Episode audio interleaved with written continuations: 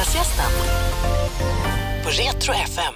Ja, det är lördag förmiddag. Man ska alltid vara nyfiken på någon. Den här morgonen så är jag nyfiken på Titti Kvarnström. God morgon, eller så är det morgon för dig den här tiden? Det är tidig morgon för mig får man väl säga. Småbarnsföräldern då liksom? Ja, och jag har jobbat i restaurangbranschen i så många år så min dygnsrytm, ja, den är lite senare lagd. Är det så? Så är det. Ja, men du, alltså, en vanlig så här veckodag alltså, i restaurangbranschen, alltså, hur dags börjar du då? Ja, nu så, nu så är det lite, lite av och till eh, så, men om man tänker sig liksom en, eh, en sån här eh, dag när man kör eh, ett bord och kök till exempel, Mm. som, eh, som ju är ett, ett kvällsarrangemang. Då kommer gästerna vid sextiden eller vid sjutiden kanske och då har vi varit inne och förberett eh, maten och vinet och restaurangen i några timmar. Men sen, ja då är vi färdiga vid ett-tiden kanske. Det kan ju vara ganska lagom tycker jag. Är det en knepig bransch när man har småbarn? Du, men jag har ju levt med detta liksom så länge och man hör så ofta att det är en, det är en förfärlig bransch och det är, det är jobbiga arbetstider och man måste jobba kvällar och helger. Du, det är så bra nu när vi har småbarn för att Är vi är ju två stycken som jobbar med detta och jag kan lägga mina tider lite grann så att jag jobbar dag, min man jobbar kväll. Ja, vi, vi är liksom helt eh, självförsörjande på, på barnpassning för tillfället. Ja, det är fantastiskt. ju. Ja, utmärkt. Det var inte tänkt att det skulle bli restaurangbranschen från, alla, från en klassisk restaurangfamilj? Nej, jag är inte det. Jag kommer från en akademikerfamilj och jag, eh, ja, men jag tyckte matte var roligt i skolan. Jag tyckte fysik var roligt i skolan eh, och eh, det var också teknik som jag pluggade på gymnasiet. Men sen fick jag av en, av en ren tillfällighet fick jag ett sommarjobb i eh, ett storkök eh, och där där fick jag en riktig aha-upplevelse att men wow, så här kan livet också vara. Det kan vara, det kan vara konstruktivt och eh, konkret och man, man gör faktiskt någonting med händerna. Det var en fantastisk känsla. Har, har, har du haft nytta av det där som du börjar med? Alltså i, I matlagningen, alltså det rent tekniska, det matematiska, att räkna ut recepten in i min, minsta. Ja men konstigt nog så har jag, har jag, tycker jag nog att jag har haft stor nytta av det ändå. Alltså, matten är ju liksom alltid med där om man, ska, om man tittar på recept eller om man ska räkna upp mängder. Eh, kemin har jag haft en del nytta av också. Så där man vet från flytande till fast form i stekpannan till exempel. Varför blev det inte... Alltså, hoppade du av skolan eller vad hände? Nej, jag är en eh, envis person så jag eh, hade bestämt mig för att jag skulle läsa teori. liksom, Så att jag fortsatte med det ett tag. Men nej, sen tappade jag bara eh, lusten och liksom blev sådär enormt skoltrött som man bara kan bli när man är precis under 20 års eh, strecket. Och, eh, eh, ja, men jag fick väl lite, en liten livskris och så funderade jag på men vad sjutton ska jag göra nu när jag, inte, när jag tydligen inte är den som jag, som jag trodde att jag, att jag var. Så tänkte jag att ja, men det här med restaurang, det var ju, det var ju, ja, det var ju ganska kul faktiskt. Jag kan väl göra det ett tag. Men var det passionen för maten? Så var det som drog dig in i köket då när du gav dig in i branschen? Nej, jag, för mig så var det snarare eh, alltså vardagen, livsstilen, att skapa någonting liksom verkligen konkret, skapa någonting fysiskt eh, och så att, att det då genast kommer till användning också, kommer folk till, till eh, gagn och glädje. Och någonting som, som också särskilt fascinerade mig, som jag verkligen uppskattade i början, det var att man, man kommer in på morgonen till liksom ett helt eh, rent nedstädat kök man gör det man ska under dagen, man, man liksom skapar någonting, eh, maten äts upp och sen så städar man ner och så har man en helt ren duk. Liksom, en helt, Lite eh, tabula rasa sådär, liksom tomt och så. Mm, ja, och det, och det var så skönt att liksom få ett så tydligt avslut. Och så kommer man in liksom nästa dag och då är det helt, helt rent och förberett och man kan liksom bara, bara sätta igång. Vad var den första paradrätten du gjorde som du kan minnas att du har lagat? I, i din uppväxt och även innan kanske? Sådär som det första du har lagat. Oj, ja, men det måste vara ett pannkakor eller någonting det? i den stilen. Okej. Mm. Gör du grymma pannkakor fortfarande eller? Det, det, det är inte så ofta. Inte det så ofta, nej. Men eh, det ska ju vara sådär riktigt när eh, andan faller på. Liksom. Man är sådär riktigt eh, pannkakssugen och då blir de ju såklart landsgodast också. Är det inte så? Jag, jag upptäckte i alla fall när jag själv skaffade barn att eh, man hittade kärleken till mycket av de här gamla klassiska recepten som man kanske inte gör lika ofta. Du kanske har gjort dem på restaurangerna i och för sig. Men Ja, men det är väl, något, så- det är väl en kombination av eh, att man själv blir nostalgisk när man får barn eh, och att de här klassiska rätterna, menar, man kan experimentera mycket i köket och man kan ju eh, kreera spännande saker, men de här klassiska rätterna, de är ju verkligen verkligen välbeprövade. Alltså det är inte av en slump som vi äter eh, lingon till köttbullarna utan det är ju faktiskt det är något gott med någonting sött och lite syrligt mm. och, och strävt till, till köttbullarna och gräddsåsen liksom eh, kompletterar det eller, eller eh, ah, eh, torsk med, med, med senapssås. Det är ju inga, det är ingen slump att, att det är just den kombinationen utan det här är ju verkligen recept som har prövats av generationer och förfinats eh, i sina kombinationer. Så man ska verkligen inte förakta klassikerna när det kommer till, till smakkombinationer tuff bransch att ge sig in för att vara, alltså vara kvinna. För det varit, historiskt sett har det varit ett väldigt mansdominerat yrke. Liksom. Hur upplevde du det när du klev in i branschen då? Hur många år sedan är det förresten när du började, alltså, började jobba professionellt efter ja, restaurangskola? det är 20 år sedan nästan. Ja. Wow. Ja. Hur du har upplevt när du kom in som uh, ung kvinna? Det var ingenting som jag reflekterade över. Däremot så uppskattade jag mycket liksom, i köksmiljön att det är väldigt liksom, tydligt. Eh, alltså det är liksom tydliga besked. Det är inget att eh, kan du om ifall att och jag tycker lite grann skulle önska någonting kanske så. Eh, utan det är gör det här nu eh, på den här tiden. Igen väldigt konkret. Mm. Ja.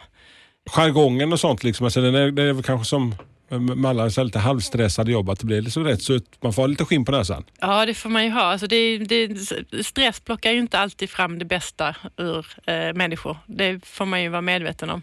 Och eh, ja, det får, man, ja, det får man ju vara medveten om.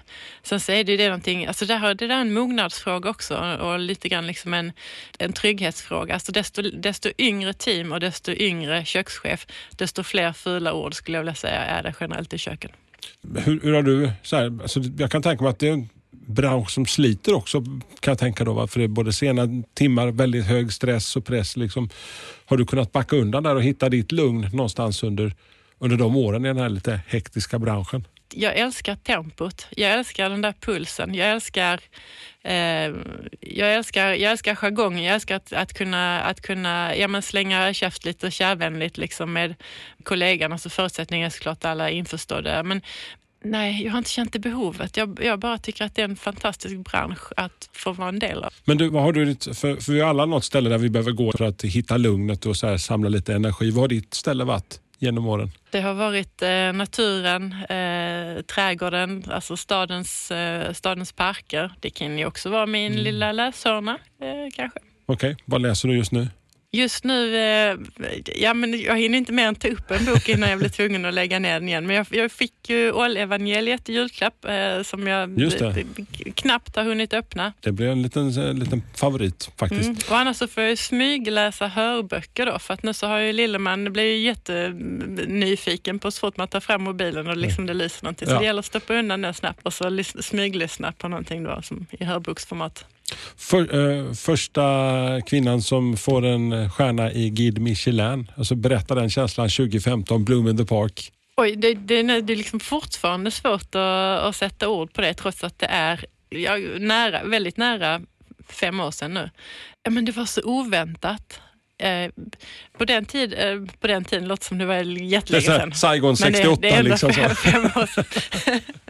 Men då, eh, då testade ju Michelin-guiden bara i städer av en viss storlek utanför mm. huvudländerna. Så att det var, gränsen gick vid en halv miljon invånare. och Malmö med sina knappa 300 000 mm. var ju liksom inte ens i närheten. Och jag jag trodde inte i min vildaste fantasi att Michelinguiden skulle utökas. För att jag tänkte någonstans där att ja, men, de håller på att trycka, trycka liksom guideböcker i en digital mm. värld. Eh, någonstans måste de också tjäna pengar eller åtminstone liksom få det där att gå plus minus noll. Och det kostar ju såklart att, att skicka runt testare som ska äta och resa och bo och, och, och sådär. Ja, men jag, trodde bara, jag trodde bara aldrig att det skulle hända. Jag trodde inte att liksom möjligheten fanns dagen innan den eh, nya guiden skulle komma ut och då visste... då hade de ju gått ut med någon sorts pressrelease att den skulle utökas, men det vet man ju inte om det är geografiskt eller, eller ja, på vilket sätt eh, det var, hade inte jag fått klart för mig i alla fall. Men så ringde det en, en, eh, en reporter från, ja, från Sydsvenskan och frågade, men kan inte vi få kan inte vi ses imorgon bitti när, när den nya guiden släpps? Då tänkte jag att, jaha. Eh, Du vill inte jag, jag, nu, nu förstår jag, nu förstår jag liksom eh, varför frågan kommer. Då är, då är, liksom, är vi väl eh, stjärntippade då på något sätt eller det finns liksom någon som tycker att det skulle kunna vara. Och då kan det ju två saker hända. Antingen så får vi en stjärna eller så får vi inte en stjärna. Och så får står vi du där med stjärna, så här, så blir det ju bra. Men får vi inte det, då kommer ju frågan bli varför fick ni inte det? Och det är ju en jävligt jobbig fråga för att den Mm. kan man ju inte svara på själv. Det får man ju fråga eh, de som då inte delar ut. I snålblåst, svetslågor, på hög höjd eller med tung last tar du risker varje dag. Genom att erbjuda bästa tänkbara skyddsutrustning och rätt verktyg för jobbet kan vi göra ditt jobb säkrare. Och säkerheten har aldrig varit viktigare. Så välj Swedol. För säkerhets skull! För säkerhets skull. Dåliga vibrationer är att gå utan byxor till jobbet. Bra vibrationer är när du inser att mobilen är i bröstfickan. Få bra vibrationer med Vimla. Mobiloperatören med Sveriges nöjdaste kunder enligt SKI. Men när du fick Eh, beskedet, vad, vad, vad var känslan där precis när, när, när, när de berättade för dig? Ja, men det tog ett tag att ta in det. Det var så surrealistiskt. Jag trodde ju inte att det skulle hända. Eh, Kan du jämföra sen- med något annat i livet, liksom, den känslan? Alltså när man får, alltså, för det är en väldigt fin utmärkelse ska vi säga, att få en, i en restaurangvärlden en ja, stjärna. men lite som att fylla jämnt. Ja, men hur känns det nu när du är Ja. 25? Det Okej. är också svårt att svara det. på. Eller Ja. 30. Ja. Hur känns det nu att vara 30? ja, just det. Ja, jag undrar. Jag är fortfarande 25 själv så jag vet, jag vet med det. För evigt 25.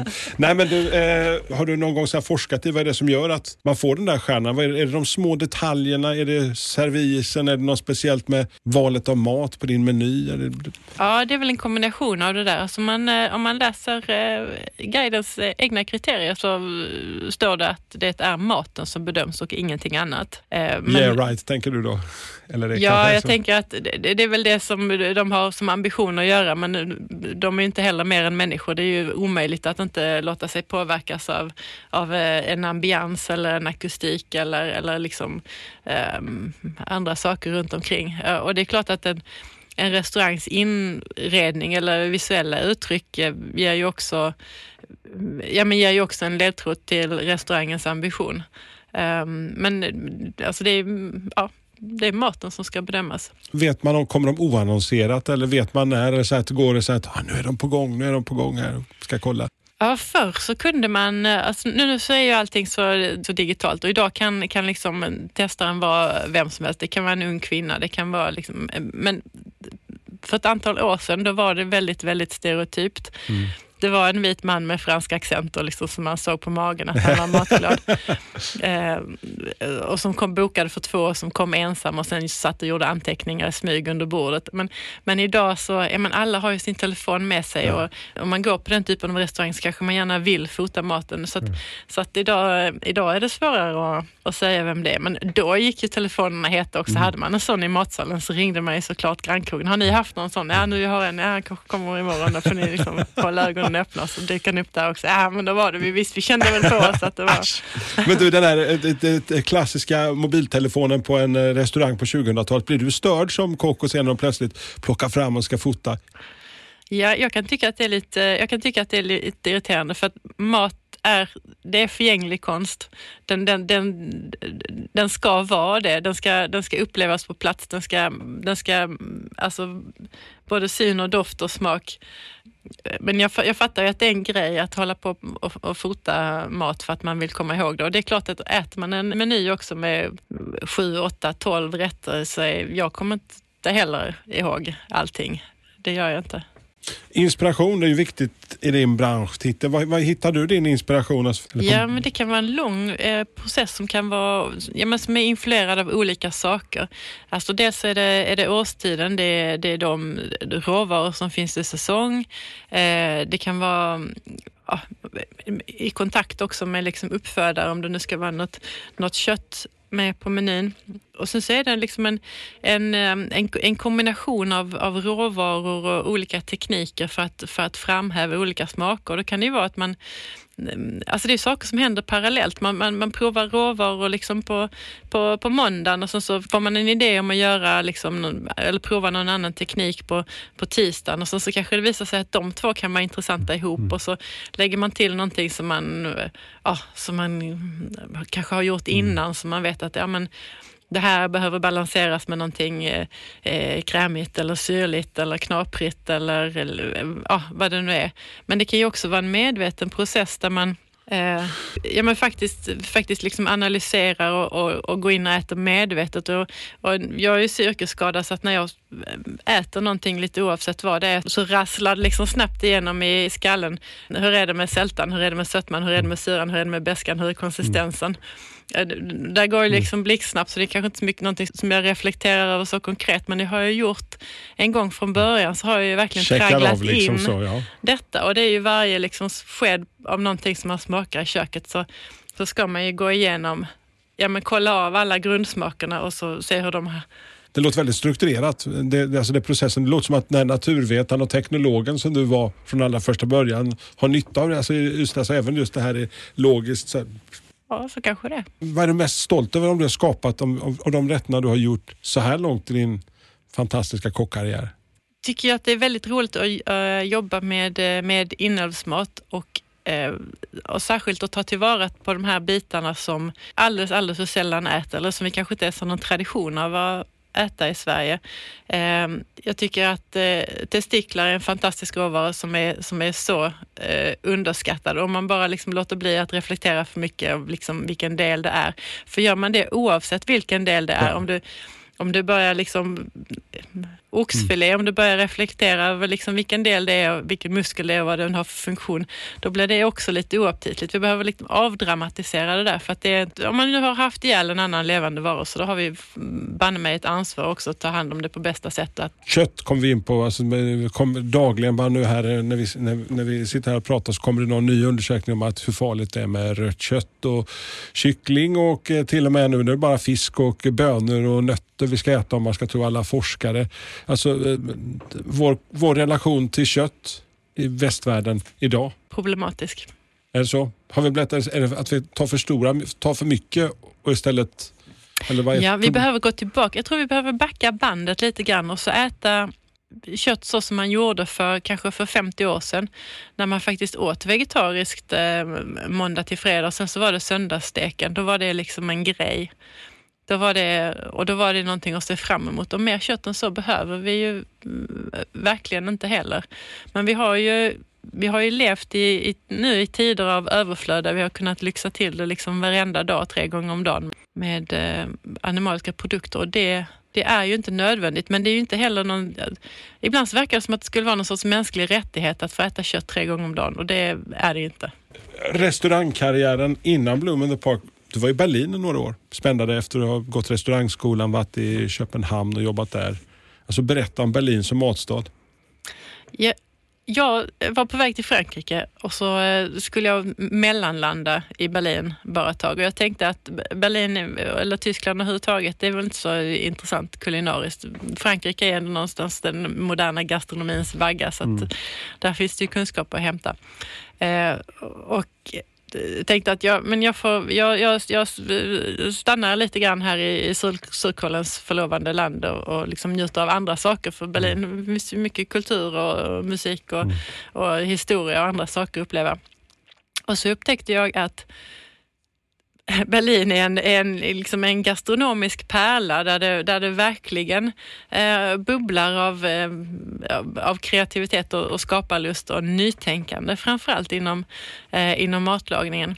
Och eh, ja, varför känner vi inte till det i Sverige? Ja, men vi är väldigt liksom, eh, anglofila här. Vi tittar bara på engelskspråkiga länder, så där tyska är lite svårt och så liksom blir det en vit fläck på kartan, på kartan generellt. Men det hände också väldigt mycket i eh, Berlins gastronomiska värld under den här perioden. Mm. Alltså det verkligen exploderade i kvalitet och, eh, och kreativitet och skapar, eh, skaparlusta. Vad, har du tagit med dig, från, förutom att du träffade din man nere i Berlin?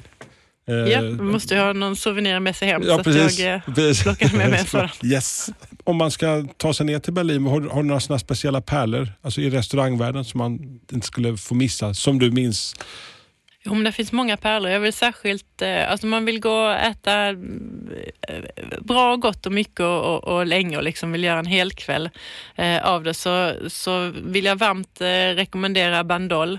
Eh, en liten, liten, liten pytteliten restaurang men där man liksom verkligen får åtnjuta, åtnjuta kockens och eh, servitörens liksom fulla uppmärksamhet. Helt fantastiskt.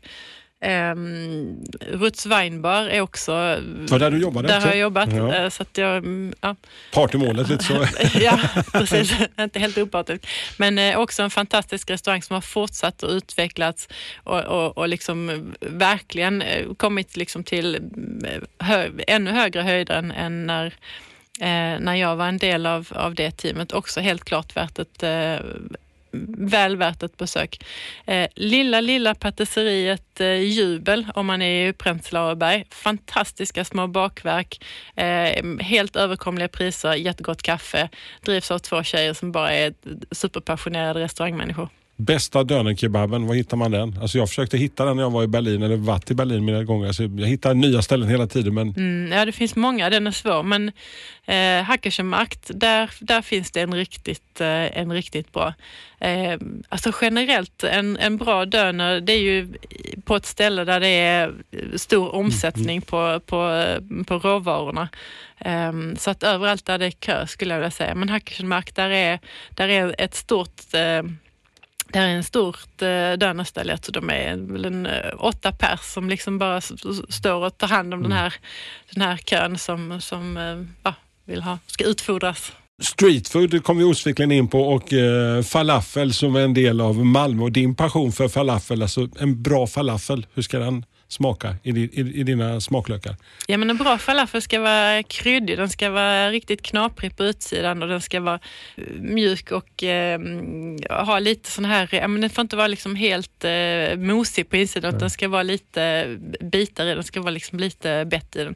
Och så är det superviktigt med falafel att det har varit rätt temperatur på oljan så att inte oljan har, har trängt in i falafeln, den ska bara precis vara knaprig utanpå. Det får liksom inte vara sågigt av olja inuti. Oh, oh, halvjonkig olja på den. Då. Du, eh, vi tävlar i falafel här i Malmö och i, i, i södra Sverige, i, i Danmark också. Berätta om eh, idén till falafeltävlingen. falafel har på något sätt det har ju blivit liksom Malmös street food nummer ett. Och det finns, eh, det finns falafel i vartenda hörn. Det finns, ja, men det, det är så, ut- ja, Berlin har, har dönerkebaben, Malmö har falafeln. Och det är, liksom, det är så tydligt. Och eh, jag menar, vi har ju en stor eh, andel Mal- Malmöbor som kommer från Mellanöstern och liksom de trakterna. Och, och man kan ju ha olika åsikter om politik och religion och liksom allt möjligt annat. Men falafeln är, den Den är är, så harmlös och den är så bra. och den är, den är vegetarisk och den är klimatsmart och den är, den är nyttig och den är billig och den liksom finns tillgänglig överallt. Den, det finns bara bra saker med falafel, alla kan äta den. Och vad, vad- väcktes idén med att just att ni skulle tävla om, om, om den bästa falafeln här? Malmö har ju liksom världens bästa falafel, det, det vet vi ju. Men Det tycker vi i varje fall. Ja. ja, det vet ju vi Malmöbor. Um, det fanns, också, det fanns väl en önskan hos mig att lyfta stoltheten hos falafelkockarna, hos falafelmakarna. Att, ehm,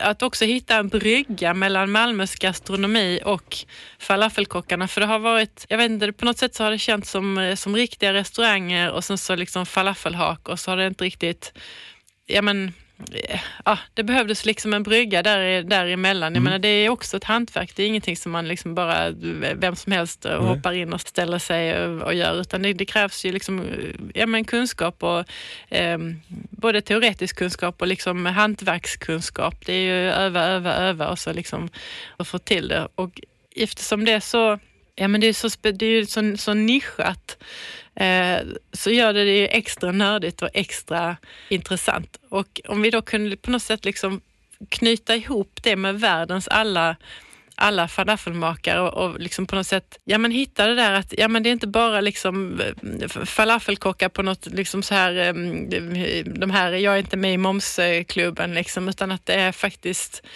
seriösa människor som, som lever på sitt hantverk. Kan man eh, göra fine dining av en falafel? Har det någonstans på menyn? Ja, men det finns många fine dining-restauranger där, eh, där falafeln har, eh, har hittat in. Har den hittat in någon, på någon av dina menyer genom åren?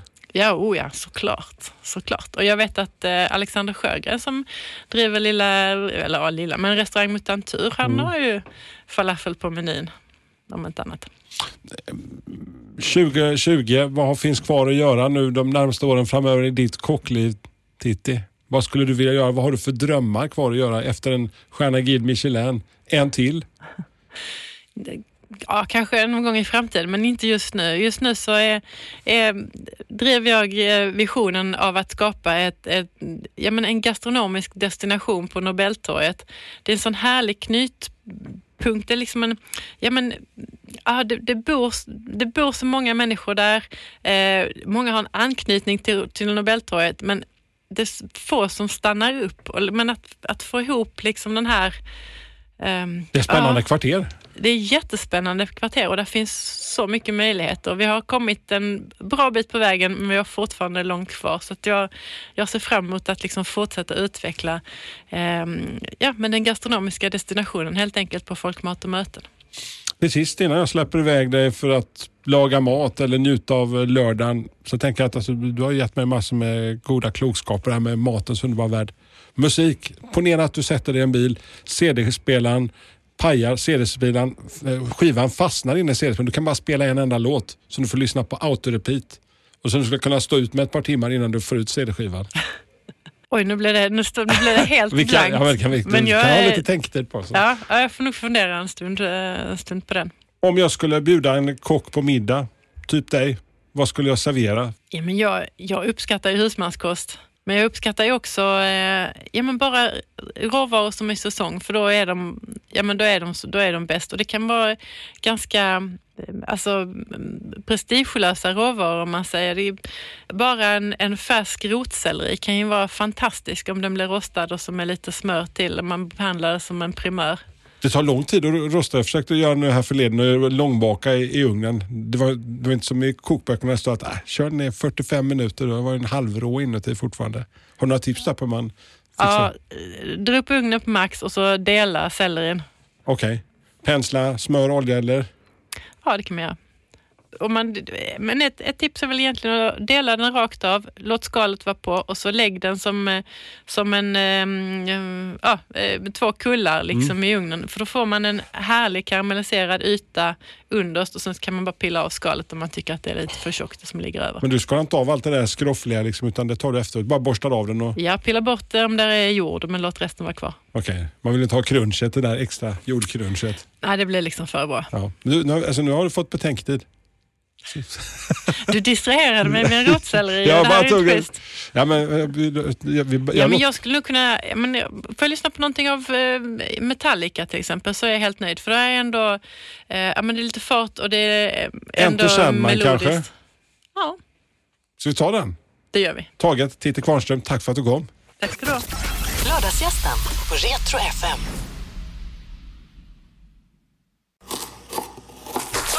Dåliga vibrationer är att skära av sig tummen i köket. Ja! Bra vibrationer är att du har en tumme till och kan scrolla vidare. Alla abonnemang för 20 kronor i månaden i fyra månader. Vimla! Mobiloperatören med bra vibrationer.